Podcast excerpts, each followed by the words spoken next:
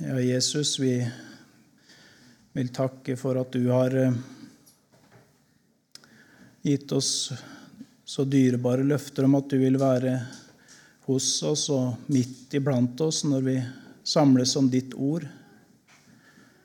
Og det er så vanskelig for oss å forstå det, Herre Jesus, at det er du som eh, har sagt du skal komme synlig igjen i, i skya, så alle ser deg, at du samtidig også vil være hos oss, nær oss, helt inn i hjertet, og at du vil eh, bo iblant oss med ordet ditt.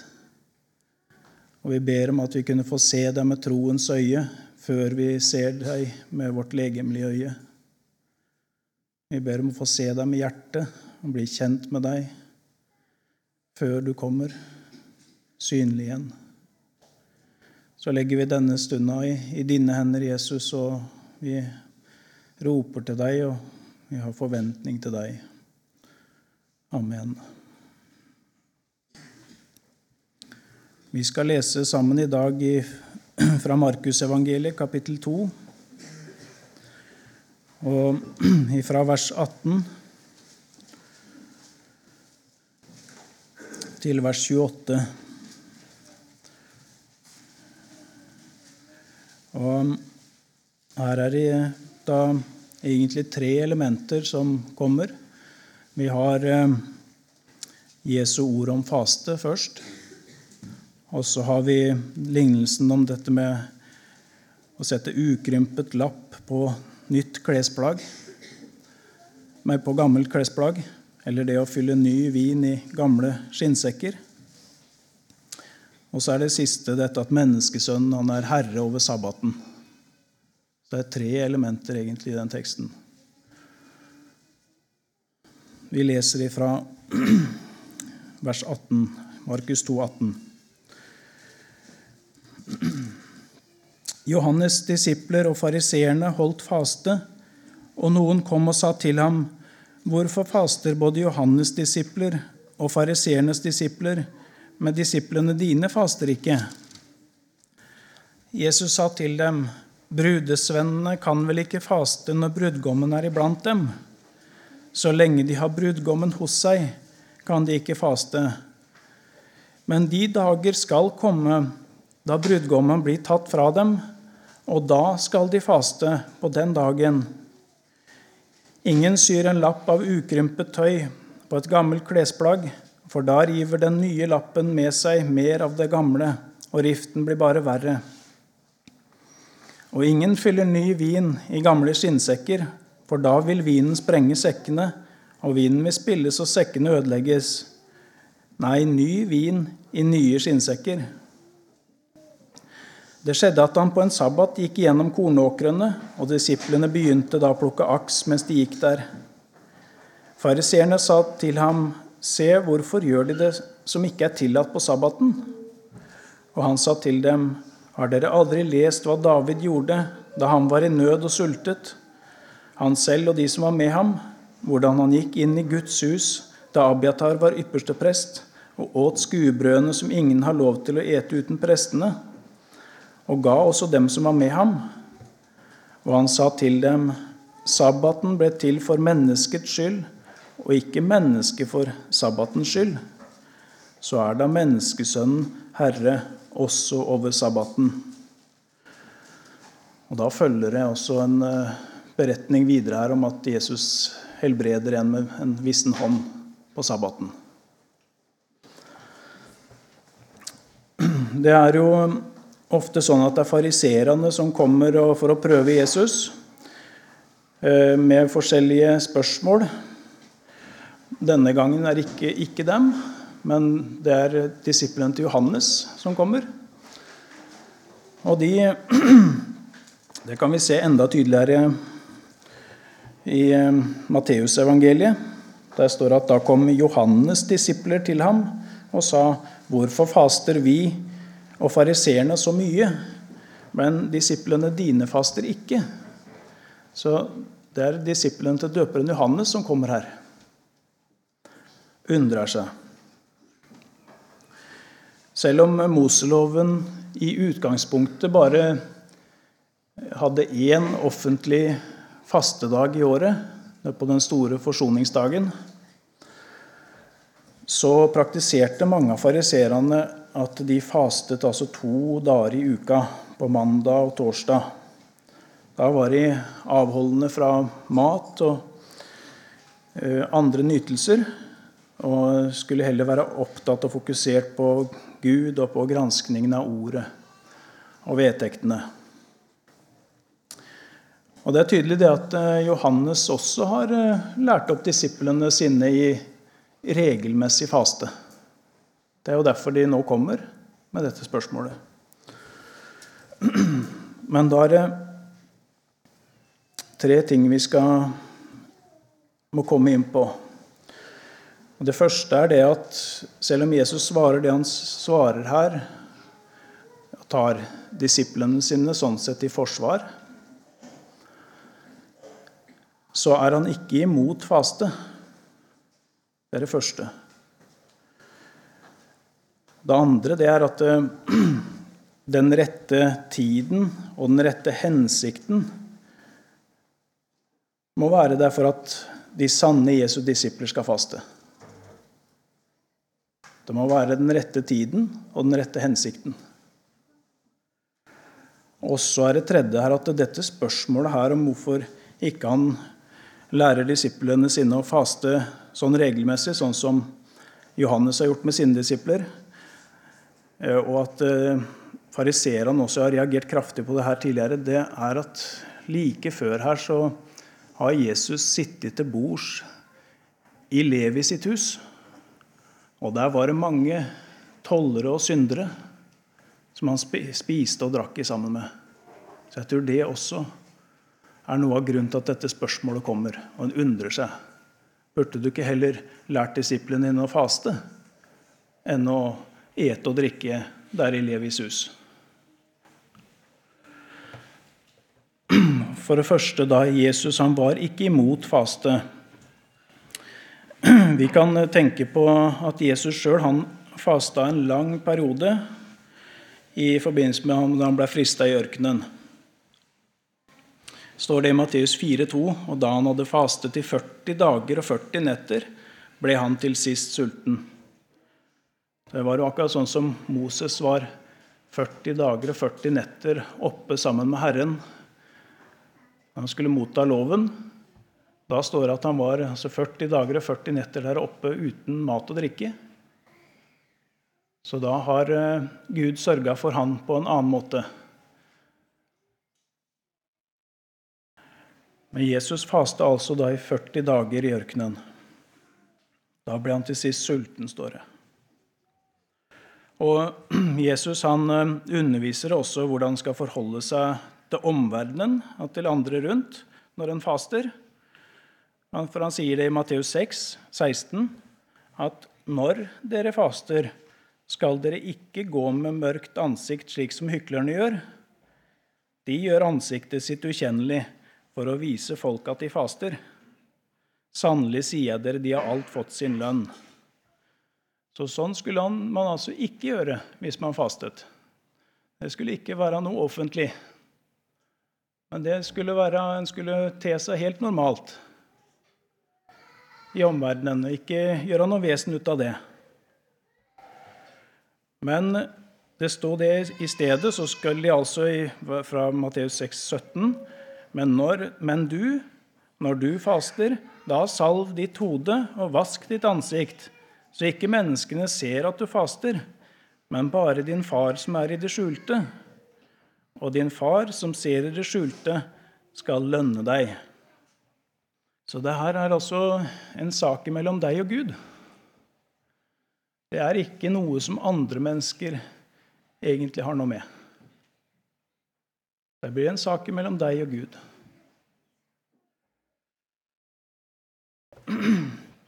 Så Jesus han sier ikke det at faste er galt. Det å avholde seg fra mat eller drikke eller avholde seg fra andre forskjellige goder eh, i livet for å, å søke Herren, for å kanskje vi kan si bli distrahert av minst mulig. Nei, Jesus han forutsetter jo her, for han sier 'når dere faster', og i neste setningen 'når du faster'.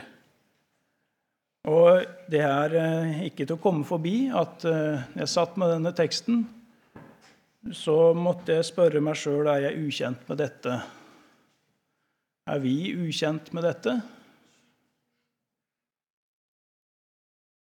Som når Jesus sier 'når du', eller 'når dere'. Er vi fremmede for det? Har vi avvist det som noe lovisk, det som Jesus forutsetter når du faster? Og da er det ikke nødvendigvis bare snakk om å avholde seg fra mat, så vi har det klart for oss. Sammen med maten for en, en jøde så var det dette med bordfellesskap og det sosiale veldig viktig. Alt som foregikk der rundt om. Og det tok mye oppmerksomhet, det. Det er ikke nødvendigvis bare snakk om mat. Apostlene og de første kristne de hadde faste med som en naturlig del i, i visse situasjoner. Eh, for så ser vi det før Paulus og Barnabas ble sendt ut. Eh, apostelgjerningene 13.2. Apostelgjerningene 13.2 eh, står det at mens de holdt gudstjeneste og fastet, sa Den hellige ånd, ta ut for meg Barnabas og Saulus til den gjerning som jeg har kalt dem til. Eh, og så står det i vers 3, da, 13,3.: Da lot de dem dra ut etter at de hadde fastet og bedt og lagt hendene på dem. Her var det altså en stor og viktig utsendelse som eh, var på gang.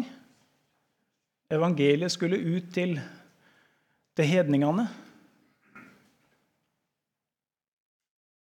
Og da var det slik at i denne situasjonen så var det altså så viktig at Jesus fikk slippe til. Og ikke deres fornuftsvalg. Vi kan anvende det inn i når vi står oppe i viktige valg, viktige saker som skal avgjøres. Da er det så naturlig for oss at det er liksom fornuftsvalga som rår. Men da er det grunn til å stoppe opp. Dette her er det ekstra viktig at Jesus, at Jesus får komme inn i denne saken. her. Vi blir stille for Jesus. Og da var det sånn for disse som sendte ut Paulus og Barnabas her, så, så avsto de fra en del andre ting, nettopp for å bli stille for Jesus i, den, i det valget, denne viktige utsendelsen. Det var noe som sto på spill her, og det var om å gjøre at ikke deres egen fornuft ødela.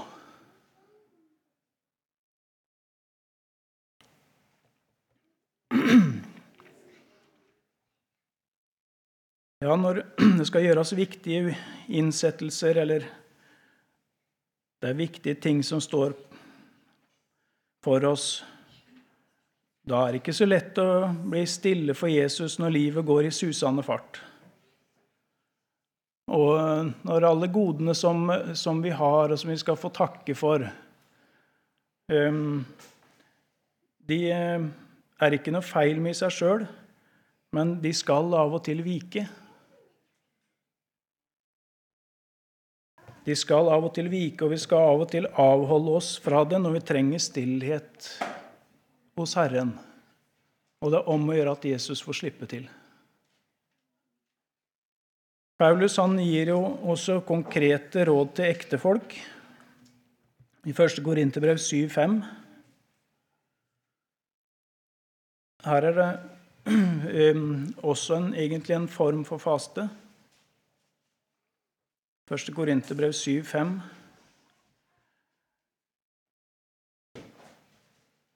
Og der er det ganske praktisk.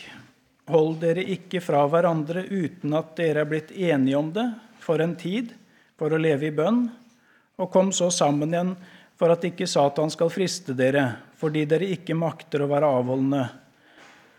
Og Legg merke til det som kommer nå etterpå. Og Her ser vi at det er noe av evangeliets driv i det. Dette sier jeg som en tillatelse, ikke som et påbud. Hmm. Dette sier jeg som en tillatelse, ikke som en påbud. Her ville det være stor vinning for mange, mange om eh, ja, Vi tenker at det var voldsomt med disse fariserene som fasta to dager i uka.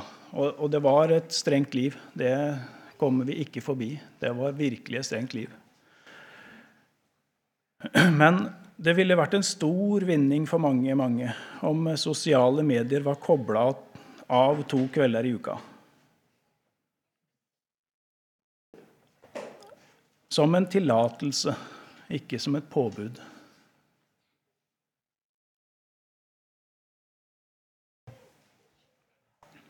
Men at det var eh, En var enig om det i huset, f.eks. Da er det skrudd av de to kveldene. Ikke som, som en tillatelse, men ikke som et påbud. Da ville avhengigheten av disse tinga komme fram i lyset. Og etter hvert så vil en også bli takknemlig for disse stille kveldene hvor det faktisk var noe som gjorde tilværelsen mer stille og rolig. At Jesus kunne få tale til deg, og ordet det fikk mer uforstyrra virke på det. Og kanskje var det også sånn at nettopp problemet med de sosiale mediene var det du snakka mest med Herren om. Det ble stille. Og om en kunne få lov å komme inn i Jesu nåde og tilgivelse med disse tinga. Få bli fri. Og da var det, da var det en god tillatelse. Selv om at jeg kan være 100% sikker på at omgivelsene kommer til å ryste på hodet av det.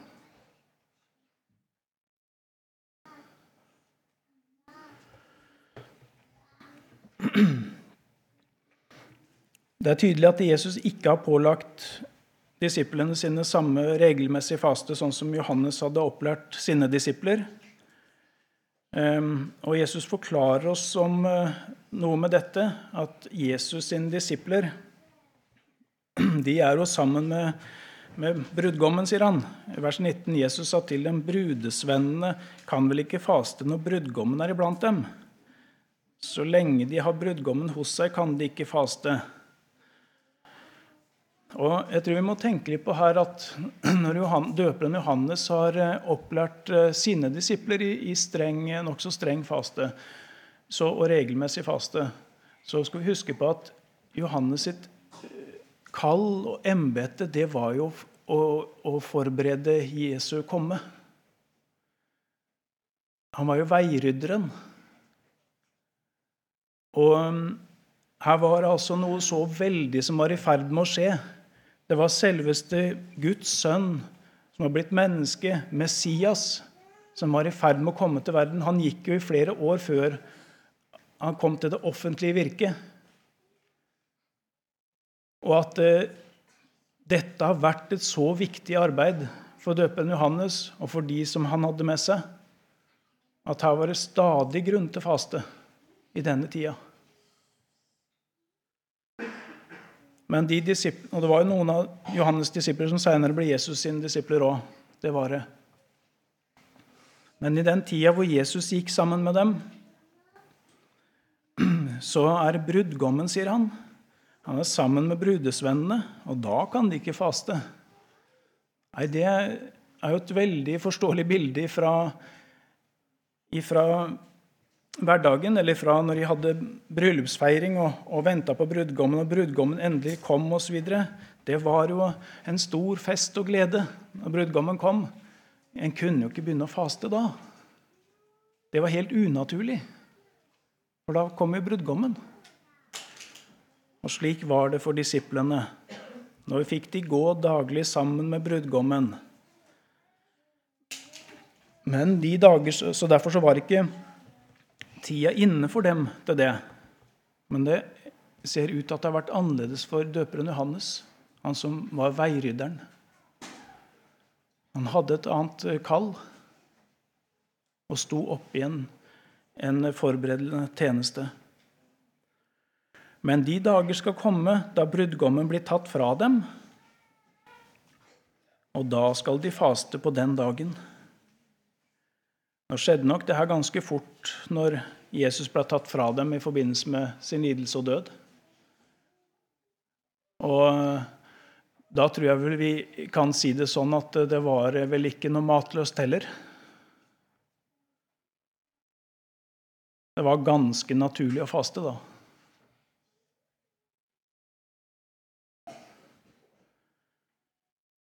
For brudgommen var borte. Og målet med fasten det er alltid dette tillitsfulle samfunnet med brudgommen Jesus Kristus. Det er det som er målet. Alt annet er totalt verdiløst.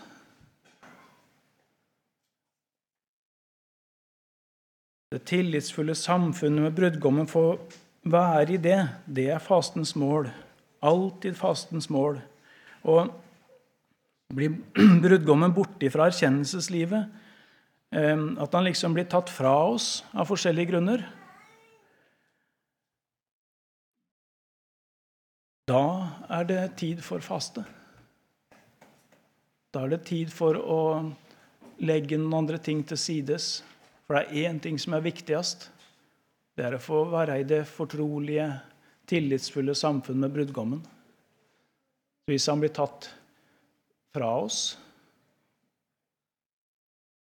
da er det tid for faste.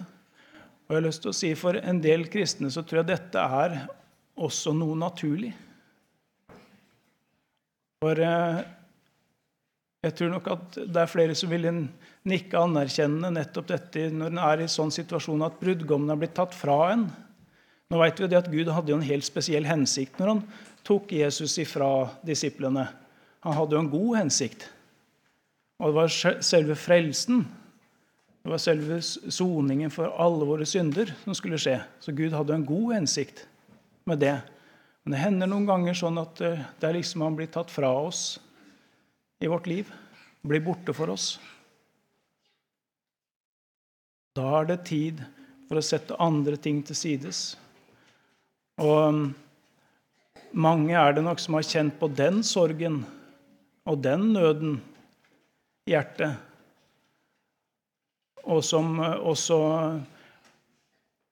blir drivet til det å sette andre ting til sides. For hvis det har blitt uklart for meg, det med Jesus, hvis det blir uklart for meg hvilke forhold jeg står til han, eller han er blitt borte for meg, ja, hva kan jeg da glede meg over? Da mister jeg jo gleden med alt, da. Og kanskje du sitter her som er helt ukjent med det. At det betyr egentlig ikke så mye om du får være det tillitsfulle, gode samfunn med Jesus eller ikke. Kanskje ikke du kjenner noen forskjell om han er der eller ikke. Og da vil jeg si deg det at uh,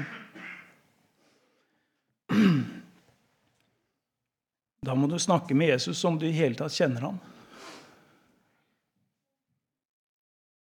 For uh, brudesvennene de, de sørger når brudgommen blir tatt fra dem. De har det vondt. Og Da er det naturlig å sette andre ting til sides.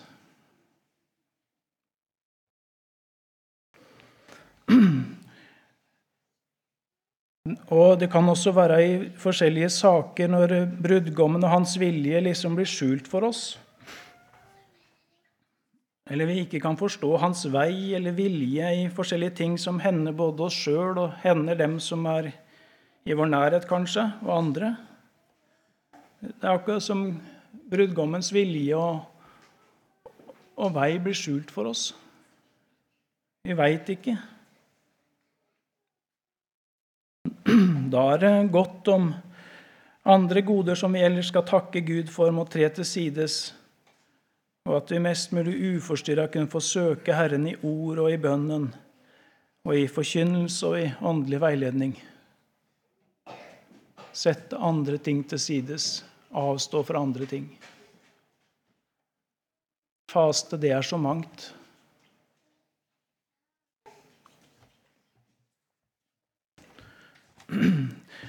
Og som Ole Allesby også sier om dette med bønn, så sier han at det er å, å slippe Jesus inn i vår nød. Å slippe Jesus inn i andres nød. Og dette at Jesus slippes inn i våre viktige valg og i andres viktige valg, da er det naturlig å faste. At brudgommen igjen får komme til hos brudesvennene, siden han en tid av forskjellige årsaker har vært tatt fra dem. Da er ikke faste noe lovisk eller noe egenrettferdig, men det er ett problem her. Og det problemet er ganske stort. Og det er at vår gamle natur kan drive avgudsdyrkelse med hva som helst. Hva som helst. Og dette med faste er ikke unntatt. Og når det er noe som kanskje blir regna, i hvert fall i visse kretser, som veldig åndelig, da er det ekstra lett til å drive avgudsdyrkelse med det. For da kan jeg liksom være enda sikrere på at jeg er en god kristen. Da kan jeg liksom være enda sikrere på at jeg kommet, står i et godt forhold til Gud. Og så er avgudsdyrkelsen i gang. Men dette med å gå til gudstjenester eller gå til møter, dette med bibellesning og bønn osv., det har jo blitt drevet masse avgudsdyrkelse med det. Dåp og nattverd også. Men vi kan ikke kalle det lovisk eller egenrettferdig av den grunn. Om det har blitt drevet mye avgudsdyrkelse med det. For der finnes en rett bruk.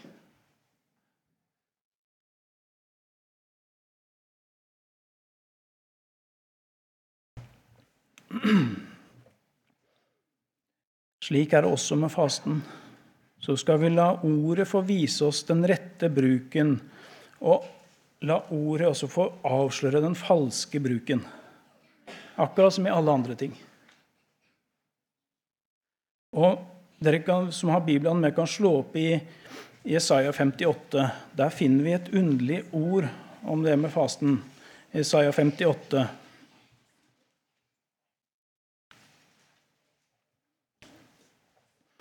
Og Der taler Gud direkte til dem om feil bruk av faste. Hvor det bare blir til skade. Jesaja 58 fra vers 5. Er dette den fasten jeg finner behag i, en dag når et menneske plager sin sjel? At den bøyer sitt hode som et siv og reder sin seng i sekk og aske? Kaller du det en faste en dag som Herren har behag i? Så kommer det videre. Er ikke dette den fasten jeg finner behag i? At dere løser ugudelighets lenker, sprenger åkets bånd, slipper undertrykte fri, bryter hvert åk. Ser du her at det er jo det at Jesus får komme inn i både mitt eget hverdagsliv og i andres sitt liv. Det er jo det som er om å gjøre. Ellers så blir det helt verdiløst. Er ikke dette den fasen jeg finner behag i, at dere løser ugudelighets lenker, sprenger åkets bånd, slipper undertrykte fri og bryter hvert et åk? Er det ikke dette at du bryter ditt brød til den som sulter, ja, men er det faste, da? Bryter ditt brød til den som sulter, og lar hjemløse stakkare komme i hus. Når du ser en naken, at du kler ham, og at du ikke drar deg bort fra dem som er av ditt eget kjøtt og blod. Ja, Det er ikke det vi forbinder med faste. Men dette her er mange slags situasjoner hvor du nettopp for å kunne få være med i disse Jesus sine gjerninger, så må du avstå fra andre ting. Du må sette andre ting til sides. For at Jesus skal, både skal få lov å virke på ditt hjerte, så ikke du gjør det her bare for å, at andre mennesker skal synes godt om det, eller at Gud skal synes godt om det. At, må, at Jesus må få gjøre noe med ditt hjerte. Så du også blir med i dette her og får slippe Jesus inn i alle ting.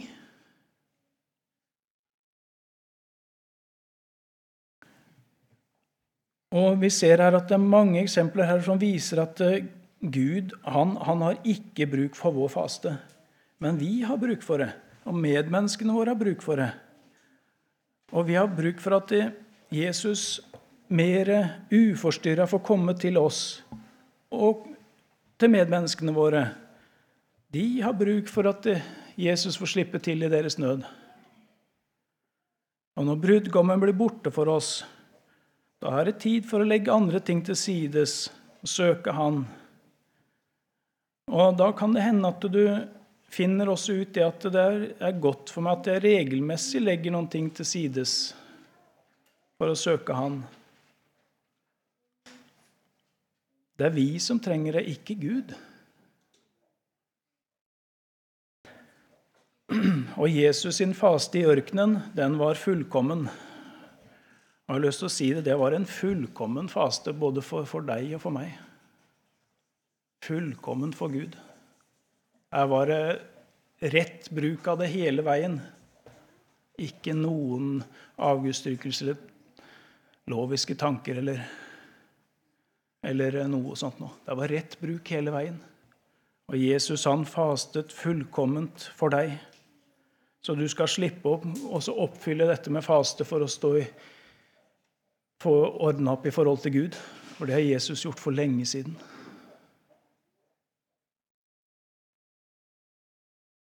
Og Jesus han har også betalt eh, en høy pris for alle de tinga som vi gjør, som vi tenker er åndelig, men som ikke har noe verdi. Som bare er for eh, at vi skal kjenne oss bedre sjøl osv. Jesus har betalt en høy pris for det, for det, var, det er synd. Men vi trenger det. Og videre i Jesaja 58 så må du bare høre hvilke løfter som er knytta til den sanne fasten. Det er veldige løfter. Veldige løfter til at når, når Jesus får slippe til i alle slags problemer med synd, når Jesus får slippe til i alle slags nød, all slags elendighet her på jord, så se da i Jesaja 58 fra vers 8. Hør på disse løftene. Da skal ditt lys bryte fram som morgenrøden, og din legdom snart spire fram. Din rettferdighet skal gå fram for ditt åsyn, og Herrens herlighet skal danne din baktropp. Da skal du påkalle Herren, og han skal svare. Da skal du rope, og han skal si, Se, her er jeg. Når du får bort hvert åk iblant deg og lar være å peke finger og tale ondt. Når du tar fram til den sultne det som du selv har lyst til, og metter den lidende sjel, da skal ditt lys opprinne i mørket, og din natt skal bli som midt på dagen. Herren skal lede deg hele tiden. Han skal mette deg midt i ødemarken, og dine ben skal han styrke. Du skal bli som en vannrik hage, som et kildevel der vannet aldri svikter. Sønner av deg skal bygge opp igjen ruiner fra gammel tid. Grunnvoller som har ligget der fra slekt til slekt, skal du gjenreise. Og de skal kalle deg den som murer igjen murbrudd, og setter veier i stand, så folk kan bo i landet. Det er veldige løfter. Og det er nettopp Det kommer og det er rett etter det som har med den sanne fasten å gjøre. Og Det er også merkelig er at det står her om dette med lys opprinnende i mørket. Ja, Da betyr det at det har vært, vært mørkt, da. En har ikke sett lyset i den saken før Herren lar lyset stige opp. Eller eh, når han skal gi deg mat, skal mette deg midt i ødemarken. Det er jo egentlig ørkenen og tørre områder det er snakk om her. Det har vært så tørt og så lite å spise og så lite å få tak i. Det var egentlig umulig å leve der. Og en Herren skal mette deg midt i ødemarken, og dine ben skal han styrke, og du skal bli en vannrik hage. Det er et, eh, et veldig under midt i dette tørre, golde landskapet. En vannrik hage. Det er fordi Jesus slipper til. Det er det fordi Jesus får lov å komme til oss, inn i vår hverdag. Og at vi stadig får bli stille for han og spørre hva vil du, Jesus? Hva har du tenkt for denne saken her?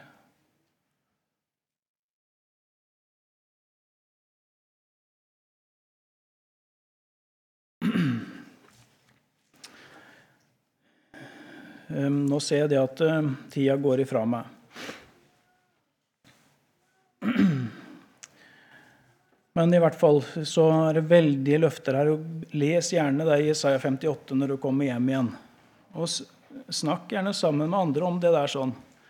For at, tror jeg at vi kan få se det her inn i et evangelisk lys, som en tillatelse, som ikke som et påbud. Men så ser vi at det er en veldig velsignelse som ligger her.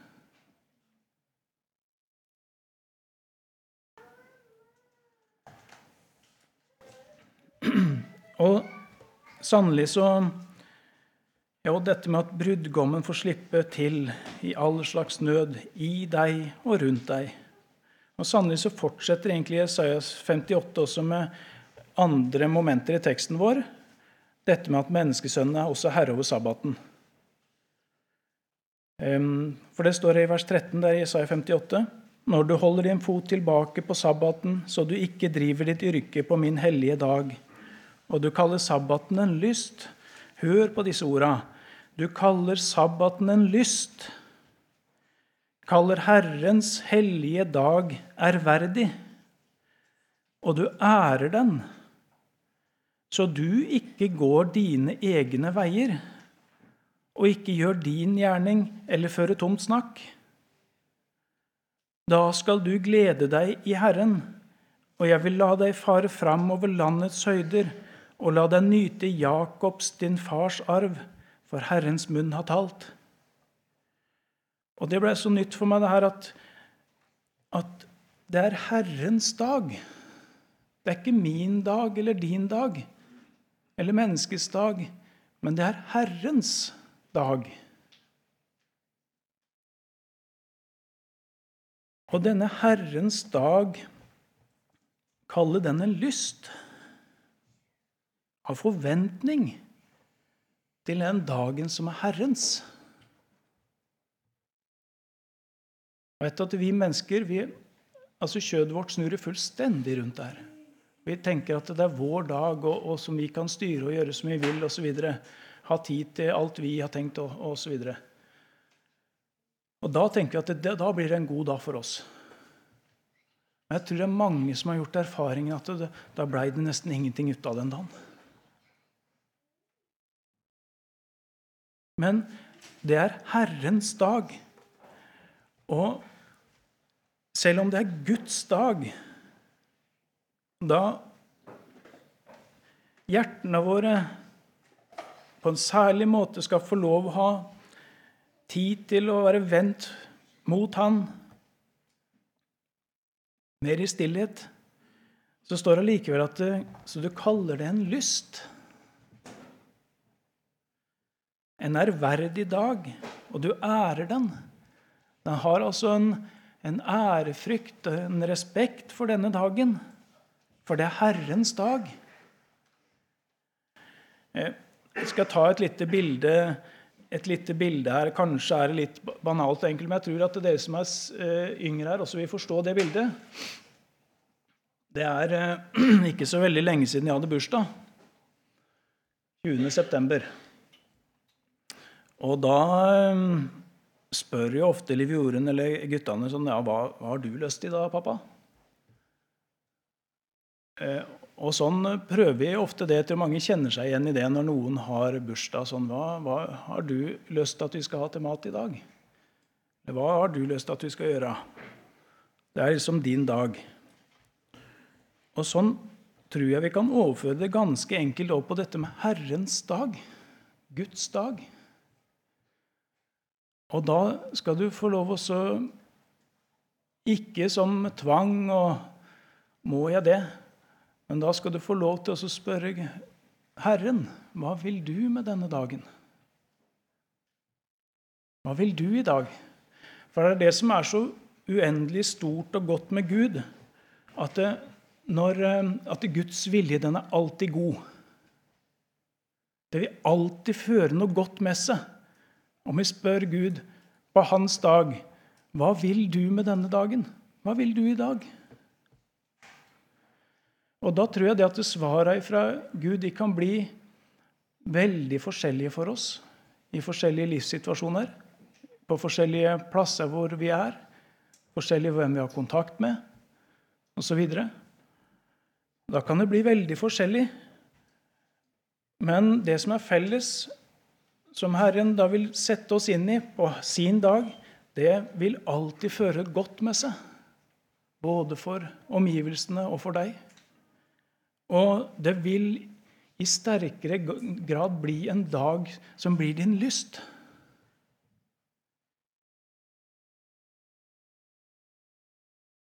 Og som du er Det er en ærverdig dag, og du ærer den dagen, så du ikke går dine egne veier.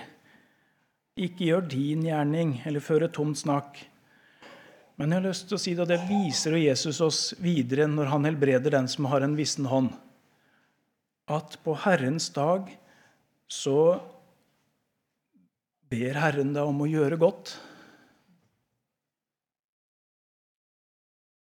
Og det er noen ganger han ber deg om å gjøre godt som vil medføre ting som du kanskje ikke vanligvis gjør på søndag.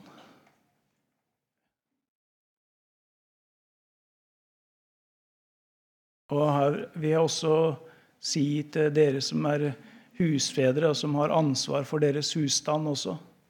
Dere må være klar over at eh, dere har ansvar for deres egen husstand.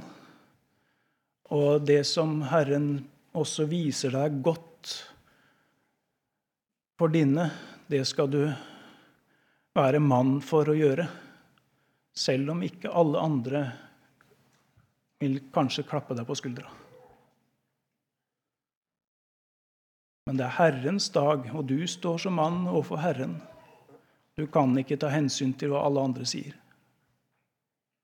Og det som Herren fører deg inn i, og som du ser er godt for dine Og her er det barn med veldig forskjellige behov. Så skal du ta hensyn til det å gjøre som Herren pålegger deg, og ikke som mennesker forventer. Én ting er å, denne formaningen om ikke drive sitt yrke på Herrens dag. Og det er eh, sikkert eh, også en veldig nødvendig påminnelse. I dag er det mange som jobber hjemmefra, fra hjemmekontor f.eks. Og det blir veldig fort flytende overganger mellom det arbeidsrelaterte og det sosiale. Husk på at det er Herrens dag. Og så sto det noe her om å kalle denne dagen samfunn med brudgommen og hvilen i brudgommen, tilliten til Jesus, kalle dem for en lyst, en ærverdig dag, at du ærer denne dag, for det er Herrens dag, og ikke din dag for din gjerning og ditt tomme snakk. Nei, det er Herrens dag vandre i hans gjerninger. Og da står det da skal du glede deg i Herren, vers 14, og jeg vil la deg fare fram over landets høyder, og la deg nyte Jakob, din Guds, din fars arv, for Herrens munn har talt. Og nå kan jeg ikke gå inn på det, men her gir egentlig Gud et veldig løfte på linje med det med søk først Guds rike og hans rettferdighet, så skal du få det andre i tillegg. Tilgift. Han skal sørge for det. Og at du skal Det sto her få nyte det. La du merke til det? Du skal få nyte det.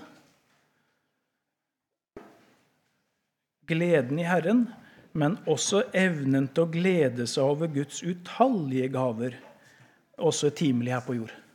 Evnen til å glede seg over det. Og Da forstår vi det at alle menneskelige påfunn som faktisk ikke hjelper mennesket til å bli stille for Herren, de er verdiløse.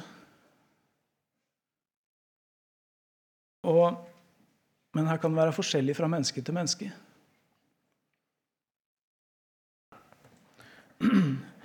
Og så kom dette spørsmålet til Jesus rett etter at han hadde sittet hos Levi i selskap, antagelig hos Levi.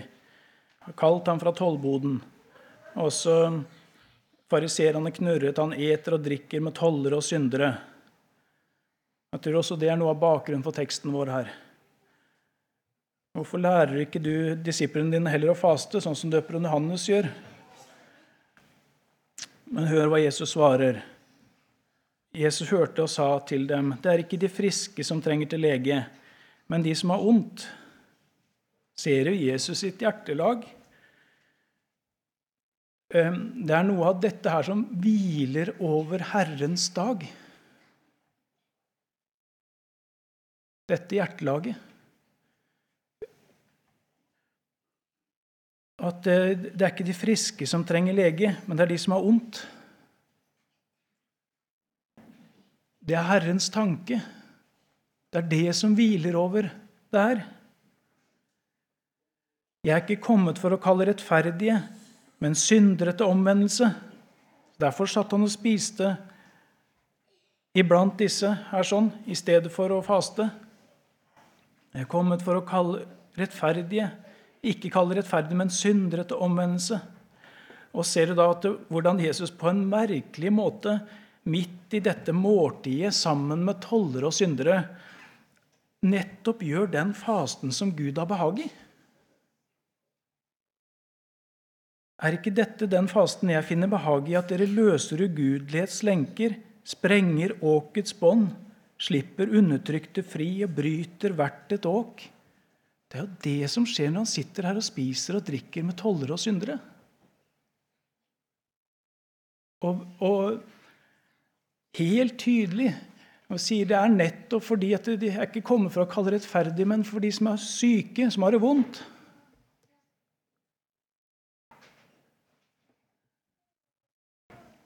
For å løse dem, for å ta seg av dem. Og det skal vi huske på da med Herrens dag. Sånn er hans hjertelag. Og da kan jeg ikke fortsette, for tida har gått her sånn. Så får dere grunne på dette med å sette en ukrympa lapp på gammelt klesplagg. Ja, det blir bare verre av det etterpå. Det var et godt formål, en la en ny lapp oppå, men det blei bare verre. Det ble en større rift. Eller en fylte en ny vin på gamle skinnsekker og tenkte at jeg skal prøve å få det her bra. Og så sprenger hele sekken, for den har jo tøyd seg ut så mye som den kunne. den fra før av. Så sprenger den, og så renner alt ut. Katastrofe. Helt ødeleggende. Og så må vi passe oss at ikke vi setter i gang med forskjellige ting som vi tenker er bra, men som egentlig bare er ødeleggende. Og da tror jeg det at vi får bruk for å spørre Jesus mange ganger. Og slippe han til i vår nød. Kjære Jesus, vi ber om at du vil lære oss i dette og ta det av oss, både liten og stor. Amen.